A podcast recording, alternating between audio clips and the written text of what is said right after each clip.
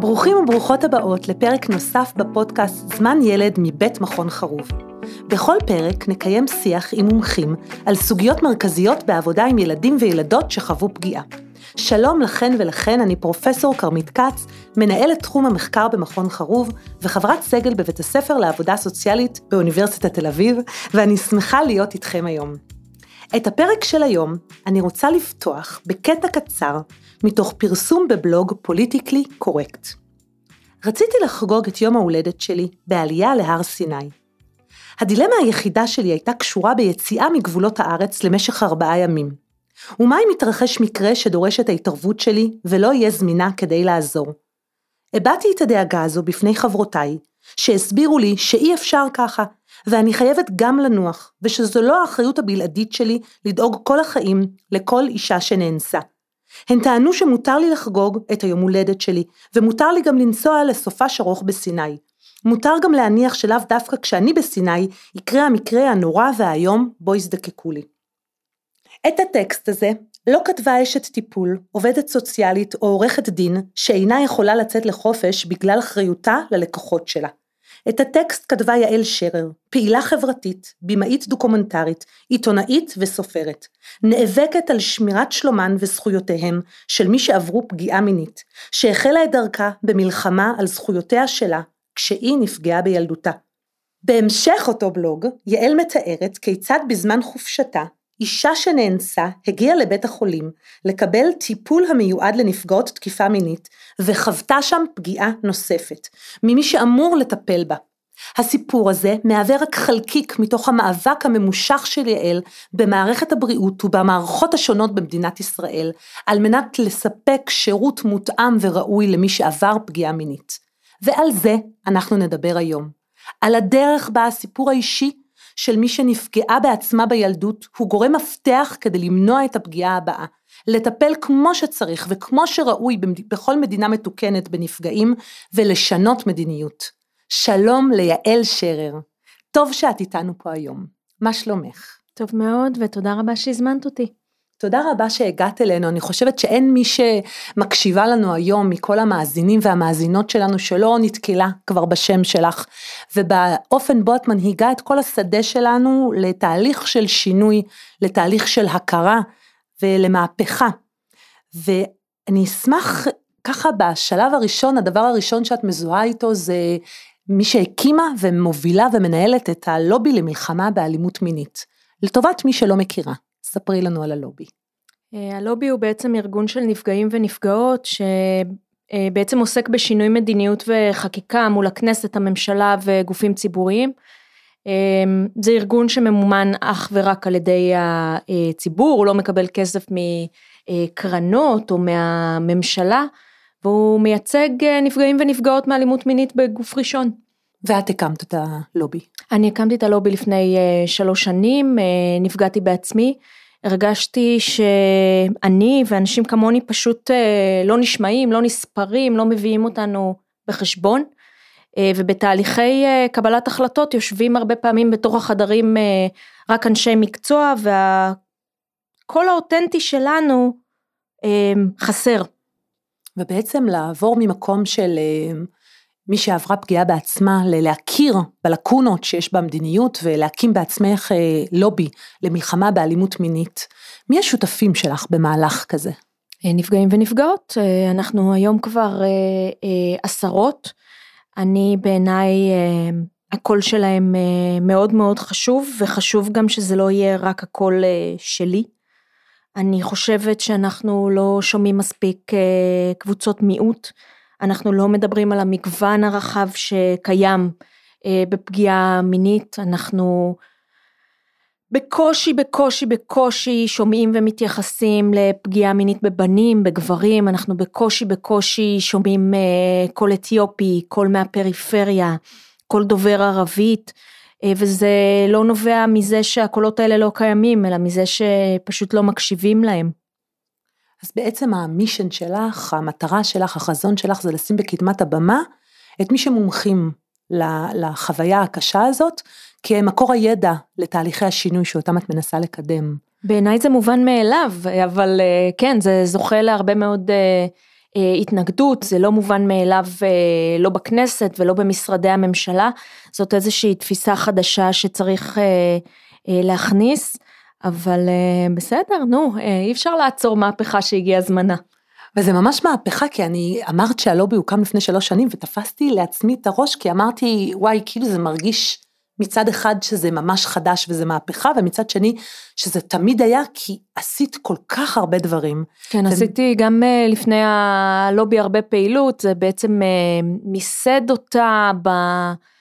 בהתאם לחזון שהיה לי, לפני זה גם עבדתי עצמאית, עבדתי עם אה, ארגונים אחרים בשדה, עם עמותות אחרות בשדה, עם איגוד מרכזי הסיוע, וגם הייתי חלק מההקמה של אחת מתוך אחת, ואחר כך גם מנכלתי את העמותה, אבל בעיניי החזון המדויק והנכון ביותר היה הארגון הזה שהוא ממש ארגון שהוא על טהרת השינוי מדיניות, שהוא עוסק בחקיקה.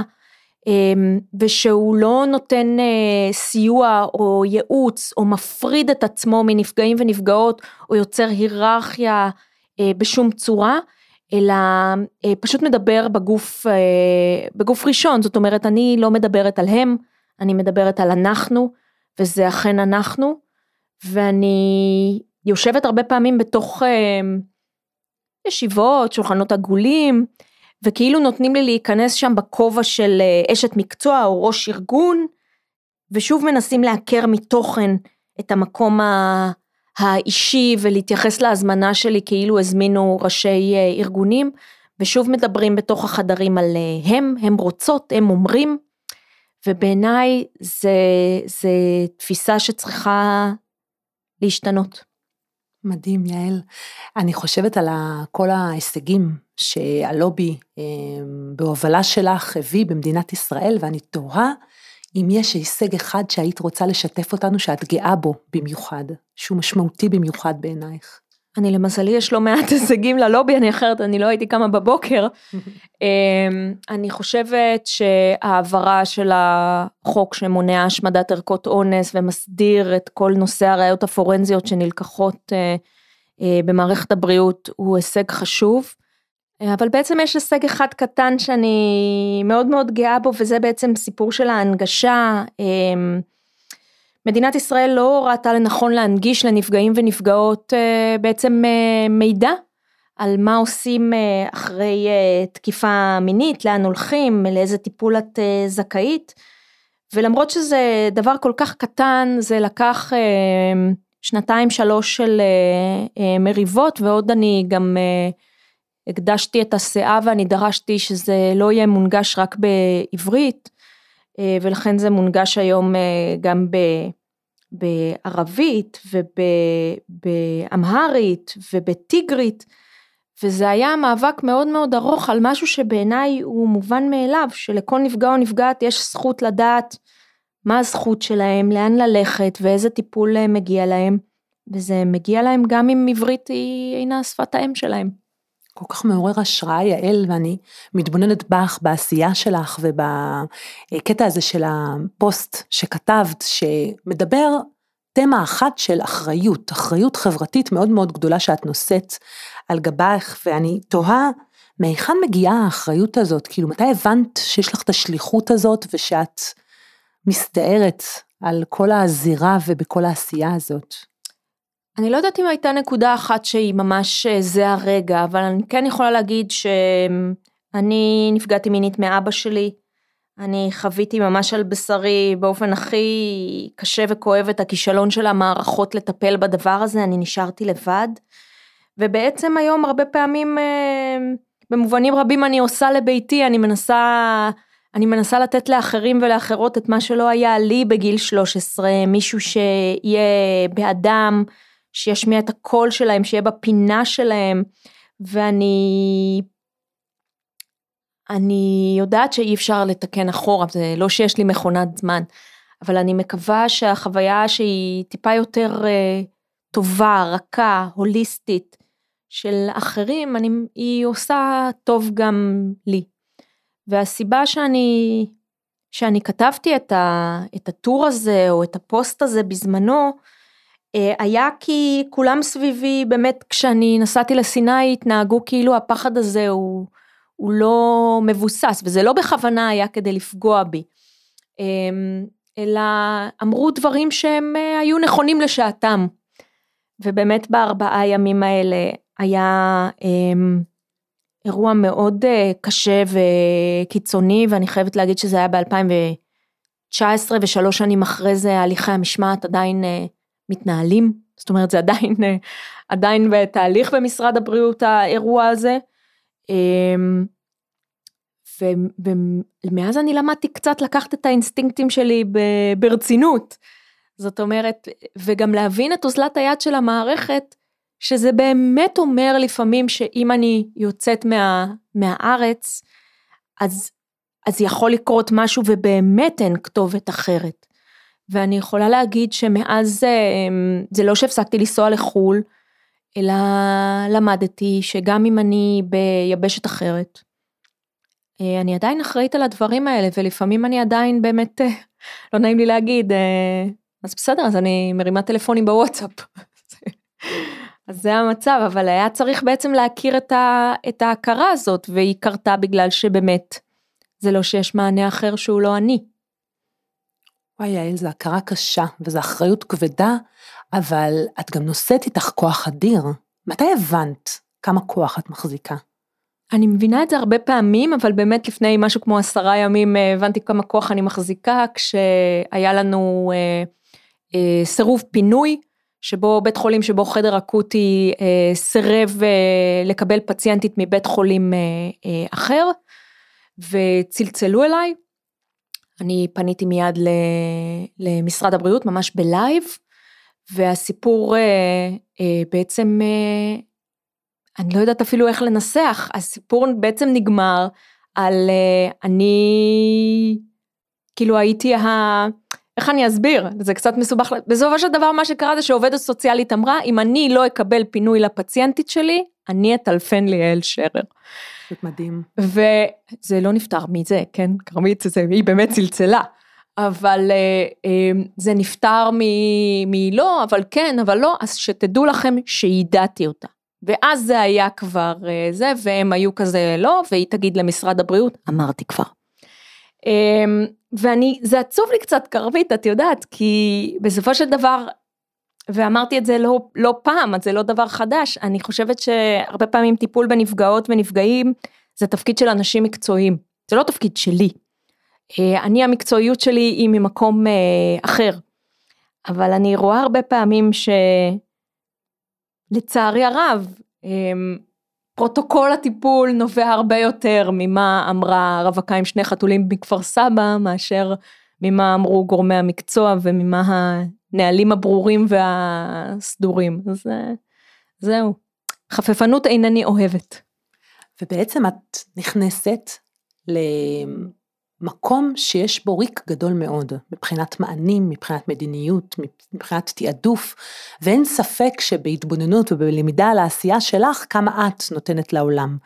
אבל מה שמעניין אותי לשמוע זה מה הנתינה והעשייה האינטנסיבית עם האחריות הכבדה מה זה נותן לך? על איזה ריק את מדברת? על מערכת הבריאות?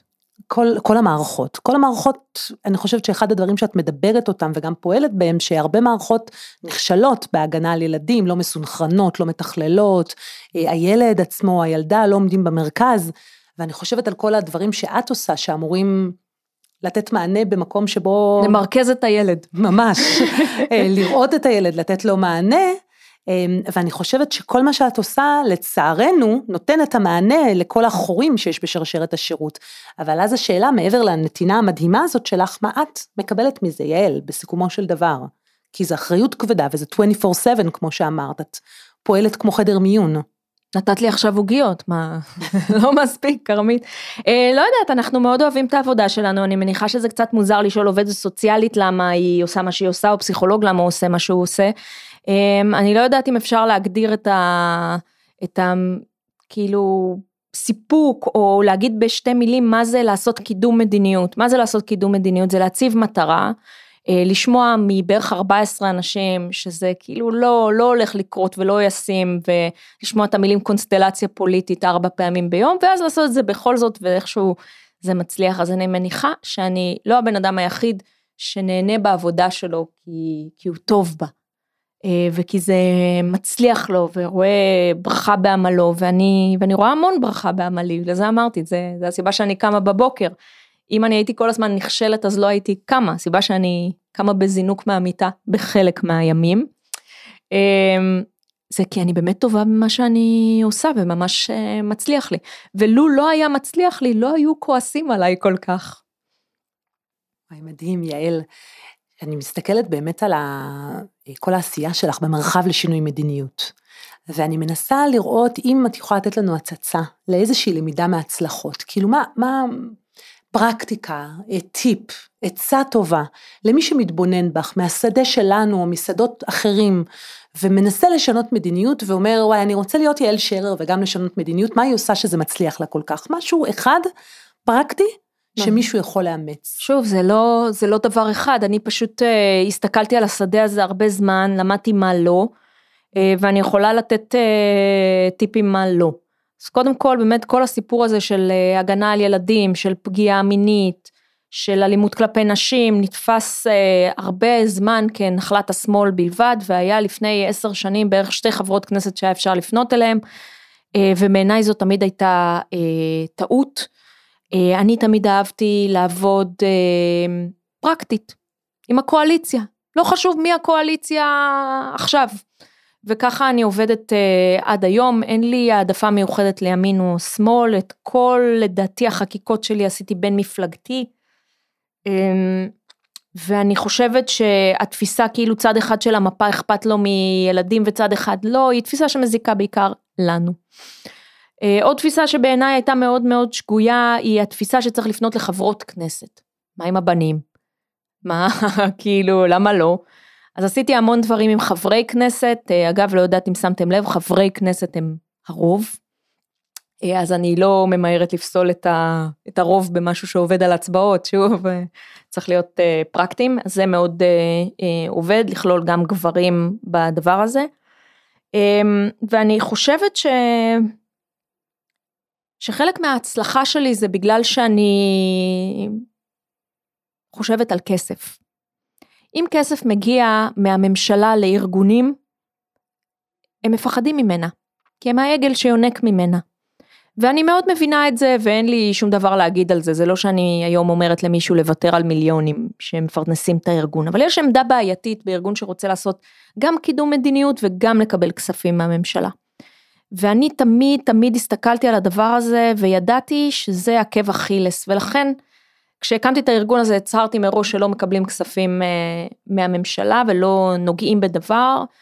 אמ, זה באמת מגיע למצב שבו בישיבות עם כל מיני גורמים ממשלתיים אה, רוצים לתת לנו מחברת או, אה, או עט, עכשיו רצו לתת לי עציץ לחג, דבש בראש השנה, אנחנו לא מקבלות בארגון. ולא נותנות, ממש עד לרמת העט, אי אפשר לתת לי ביד דבר שאני אצא איתו מהפגישה, אפשר לתת לי ניירות עמדה, זה הדבר היחיד שאני אצא איתו.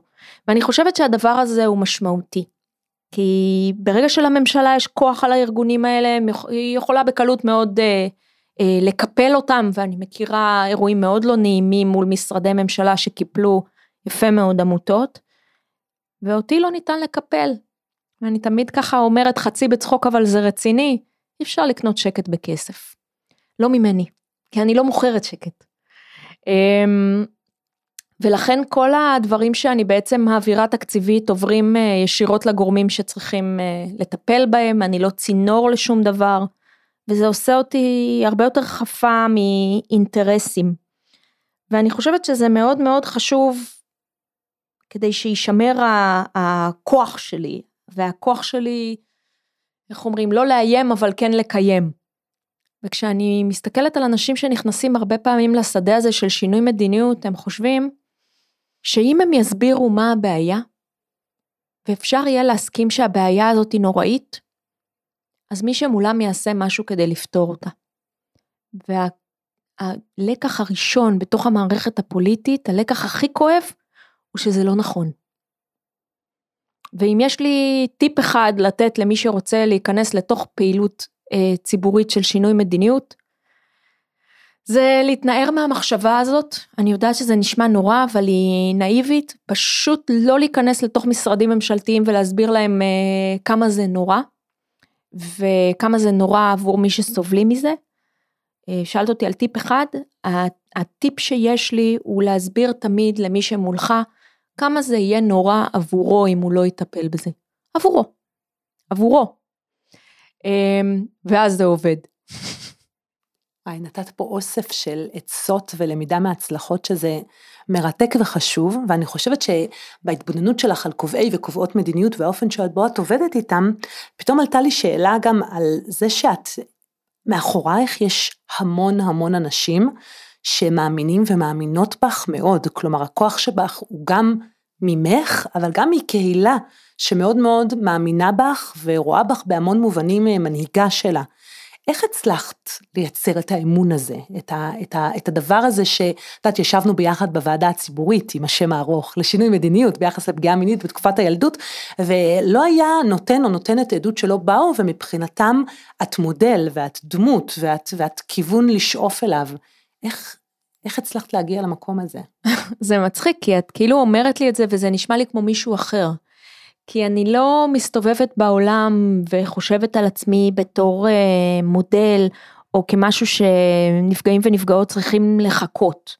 אני בעיניי כל נפגע או נפגעת יש להם את הדרך שלהם והקול שלהם ואני לא חושבת אה, שהם נושאים אליי עיניים ומאמינים בי פרטנית. אלא באיזושהי אלטרנטיבה שאני מציגה למה שהם הכירו עד עכשיו וליחס אליהם. כאל אה, קורבן, כאל נתמך, כאל מקבל שירות, כאל אה, מישהו שהוא אה, שותק ובלתי נשמע וחסוי וכל מיני מילים כאלה שהן משליכות עליהם ועליהן פרשנות שהיא לא תואמת לאנשים שהם. והנפגע או הנפגעת הקלאסית שיש למשרדי ממשלה או לח"כים בראש, שיושבת מקופלת בפינה בעולם שאין בו כיסאות סלש נעליים, אמ, היא לא אנשים שאני פוגשת. יש לנו בארגון אה, אה, עורכות דין ורבנים, ויש לנו בארגון אה, עובדות סוציאליות ומתכנתות, ויש לנו בארגון רופא וטייס, והם אנשים כמוני וכמוכם והם מסתובבים בעולם, והם לא קורבן, והם לא מטומטמים, והם לא יושבים על הרצפה בפינה, יש להם נעליים, לפעמים הם נעליים נהדרות ויפות, אנחנו מאוד אוהבות אופנה במשרד, והם פשוט לא הסטריאוטיפ הזה. וגם אני לא הסטריאוטיפ הזה. אני מעולם לא ישבתי על הרצפה בפינה, כיסיתי את הפנים, ולמה ה image הזה בכלל צריך להגדיר אותי image בלי, בלי זהות, בלי אישיות, בלי דעה, בלי מקום בחברה לתרום בו. אמ, אני, כשאני מגיעה לתוך אה, חדרים ואני מספרת שאבא שלי פגע בי מינית, אני לא קוריוז, אני לא פריק שואו של קרקס, שבאתי לספק איזה סיפור של צבע, אמ, כדי שאנשים בקהל יוכלו לבכות ולהרגיש רע בשבילי ולרחם עליי. ואני חושבת שעם זה נפגעות ונפגעים מזדהים, כי אני לא חושבת שאנחנו חושבים על עצמנו במושגים האלה. אנחנו רוצים לספר על משהו שעברנו, זאת חוויה אנושית ואישית, אבל לא רק אישית שלי. זאת אומרת, אני ממש לא הבן אדם היחיד בעולם שנפגע מאבא שלו, או בכלל מקרוב משפחה, או בתוך המשפחה. ותמיד שאומרים לי, אני הייתי רוצה להתייעץ איתך, כי את נפגעת בתוך המשפחה, אני חושבת שאם היינו מדברים על זה, ואם אותה שושי, תמי, או, או איציק, או תומר, שפונים אליי ורוצים לדבר איתי, היו יכולים לדבר על זה במשרד איפה שהם עובדים, או בחוג פילאטיס, או בקפוארה, או בקבוצה שעושה קמפינג, הם לא היו צריכים לפנות לדמות עלומה שהם רואים בטלוויזיה, כי הם היו מגלים מהר מאוד שסביבם יש עוד אנשים כאלה ואפשר אה, לדבר איתם ופשוט לחלוק חוויה אנושית, אנחנו חלק אינטגרלי מהחברה, חלק גדול אגב, כי פגיעה מינית היא מאוד נפוצה, ואני חושבת שפשוט צריך להתחיל את השיח על זה בחברה סביבנו. שבהרבה מובנים העשייה המדהימה שלך לאורך השנים מייצרת לא רק שינוי מדיניות, אלא גם מייצרת ושואפת להמשיך לשנות את השיח החברתי ואת האופן שבו מתנהלת החברה אה, כלפי כל מי שחי בה ועובר חוויות קשות ביומיום שלו, בילדות שלו, בבגרות שלו. נכון, אני לא מעוניינת בכלל להישאר איזשהו מיעוט. אני ממש מעוניינת להיות אה, אה, רוב, רוב מנורמל. לגמרי. ואני מנסה לחשוב על ה... גם על האופן שבו את משנה את, ה, את השיח החברתי-ציבורי, וגם את השינוי מדיניות, ואני תוהה מה הדבר הבא. בלובי, אחרי הלובי, אם אני יכולה להעז לומר, לאור אה, היכרותי איתך, מה, מה החזון שלך? אני בעיקר חושבת על עוד מאותו דבר. אני, אני עובדת במקצוע מאוד שוחק. אמ, ובאמת אני קמה כל יום בבוקר וזה לא קלישאה בשביל לריב, כן? וזה, אני, אז אני חושבת שמצאתי אאוטלט לאגרסיות שהפניתי פעם כלפי uh, עצמי, מצאתי משהו יותר בריא לעשות איתם. Uh, אבל אני ממש לא חושבת על איזשהו יום של uh, אחרי, כי למרות שזה נתפס אצל אנשים כאומרים לי, או, יש לך עבודה נוראית, פוליטיקה זה דבר נורא, אני מאוד אוהבת אותה. ואני מאוד מצליחה בה, וסך הכל הארגון הזה קיים שלוש שנים, אני עוד לא דגדגתי את הקצה של מה שאני רוצה לעשות ומה שאני חושבת שאנחנו מסוגלים ויכולות לעשות. אני חושבת שאפשר לעשות עוד דברים מדהימים, אני יש לי תוכניות שברוך השם, טפו טפו טפו, אני הולכת אה, להוציא לפועל וכמה אנשים הולכים להיות מאוד מופתעים, אה, יתרון ענק. אה, אז אני לא חושבת מה יקרה ביום של אחרי, בכלל אני קצת נגמלתי מהמחשבה הזאת שהייתה לי מגיל 13 שיום אחד החיים יתחילו ויום אחד אני אהיה גדולה ויום אחד זה יהיה כמו שצריך. זה פשוט ככה כמו שזה זה מה שיש וזה ממש ממש בסדר אמ, ואין מאה אחוז ואף אחד לא פרפקט והיום כשאני באמת עוסקת אה, בפוליטיקה ונפגשת הרבה מאוד עם אנשים אה, במשרדים ממשלתיים ויושבת בכל מיני ישיבות אז ברור השם אני הרבה פעמים מנחמת את עצמי אומרת לעצמי לא הבן אדם הכי דפוק בחדר. מה אני אעשה? אז, אמ, אז אני לא, לא יודעת מה יום של אחרי, בינתיים אה, עוד מאותו דבר אם אפשר. מדהים, את בעצם חיה את מה ש... חיה את החלום, כרמית, כן. בחדוות יצירה ובהגשמה ובעשייה ואינטנסיביות מאוד מאוד גדולה. יעל, אני חושבת על השיחה הקצרה שעלתה לנו היום, אבל היא מחזיקה בעיניי אה, הרבה מהדברים שאני לומדת ממך לאורך הדרך, אני חושבת שנתת לנו בזמן קצר הצצה לאיך אה, יכול להיראות תהליך של שינוי מדיניות, אמ, לאיך אפשר לייצר קהילה חזקה שמובילה ומייצרת לשינוי, ואני חושבת על המאזינים והמאזינות שלנו, רובם אנשי ונשות מקצוע בתחום של פגיעה בילדים. אה, תוך כדי כל העשייה המדהימה הזאת שלך, מה המסרים, מה התובנות, מה המסקנות שחשוב שהמאזינים והמאזינות שלנו יקבלו היום? וואו, אני חושבת שמילת המפתח היא אה, אמון או אמונה. אני קודם כל חושבת ש... שצריך לתת אמון לנפגעים לנפגעות, זה ממש חשוב, ואסור להפר את האמון הזה. זה קרה לי יותר מדי פעמים. אני, אני חושבת שצניעות היא מאוד חשובה. ואנשי אה, אה, מקצוע, ככל שהם אה, יותר מכירים בזה שהם לא יודעים הכל ויש להם עוד דרך ארוכה ללמוד, ככה הם יותר טובים. ושמי שיושב מולך הוא לא נחות ממך בהיררכיה.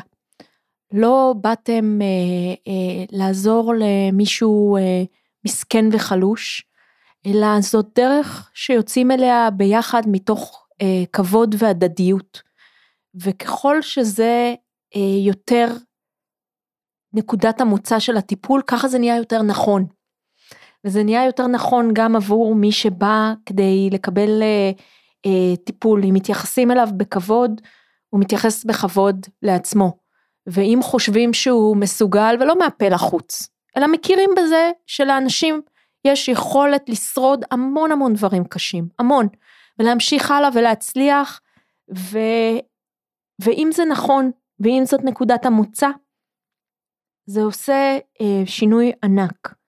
היו אנשי טיפול שנתנו לי עולם ומלואו ואני, ואני שרדתי ובזכותם אני כאן. והיו לי אנשי טיפול שאני ממליצה להם על טיפול. אמון, אמונה, צניעות וכבוד. כמה זה נשמע פשוט ואינטואיטיבי ומשהו שאמור להיות לכל אחד מאנשי ונשות מקצוע, אבל כמה אתגר גדול זה להגיע למרחב הזה גם כפרטים ואנשי ונשות מקצוע, אבל גם באינטראקציה האנושית שיש כל הזמן סביבנו. יש היום המון שיח בקבוצות של נפגעים ונפגעות אה, על, אה, על טיפול פוגעני, על טיפול נצלני, אה, על טיפול שהוא אביוסיב. וזה שיח נורא נורא אה, קשה לשני הצדדים. ואני חושבת שצריך אה, במובנים אה, רבים להפסיק להפריד ולנהל שיח שהוא יותר שוויוני וגם ללמוד מהביקורת ולשתף בדיוק כמו מה שאני עושה עם משרדי הממשלה להכניס נפגעים ונפגעות להביא אותם לא כקוריוז, לא כהרצאה של אה, הנה הנפגעת אחרי ארוחת צהריים, כשמי שעסוק אז יכול כבר ללכת כי זה בשלוש. אמ, אני חושבת שצריך להכניס אותם לפורומים, לאיגודים המקצועיים, הם צריכים להיות גוף שהוא, שהוא מבקר, שהוא נותן אה, משוב. אני חושבת שבמובנים רבים ממש שורש כל הרע זה שאין משוב על טיפול. הוא, הוא מתרחש באיזשהו ואקום בני, בין שני אנשים שהם לבד בחדר וכל הדברים יכולים לקרות שם ואין אין פיקוח ואין תיעוד הרבה פעמים ואין אה, בחינה של, אה, של נקודות מוצא ושל אה, התקדמות בדרך, אין יכולת להעריך את הטיפול, האם הוא טוב או רע. ואלה הרבה מאוד בעיות שהמקצועות האלה יצטרכו להידרש להם בשנים הקרובות, הם לא יוכלו לעשות את זה בלי המטופלים שלהם. זה סופר חשוב כי את נותנת לנו חידוד לעוד שתי מסקנות, שאחת זה שקיפות של תהליכים מקצועיים, והדבר השני זה שיתוף, בעצם שיתוף אמיתי, שגם של עיצוב ההתערבויות, אבל גם של חשיבה, רפלקטיביות על ההתערבויות, הערכה של התערבויות שהמון ארגונים עסוקים בהם, כמה קרדינלי שהתהליכים האלה ייעשו עם צרכני השירותים.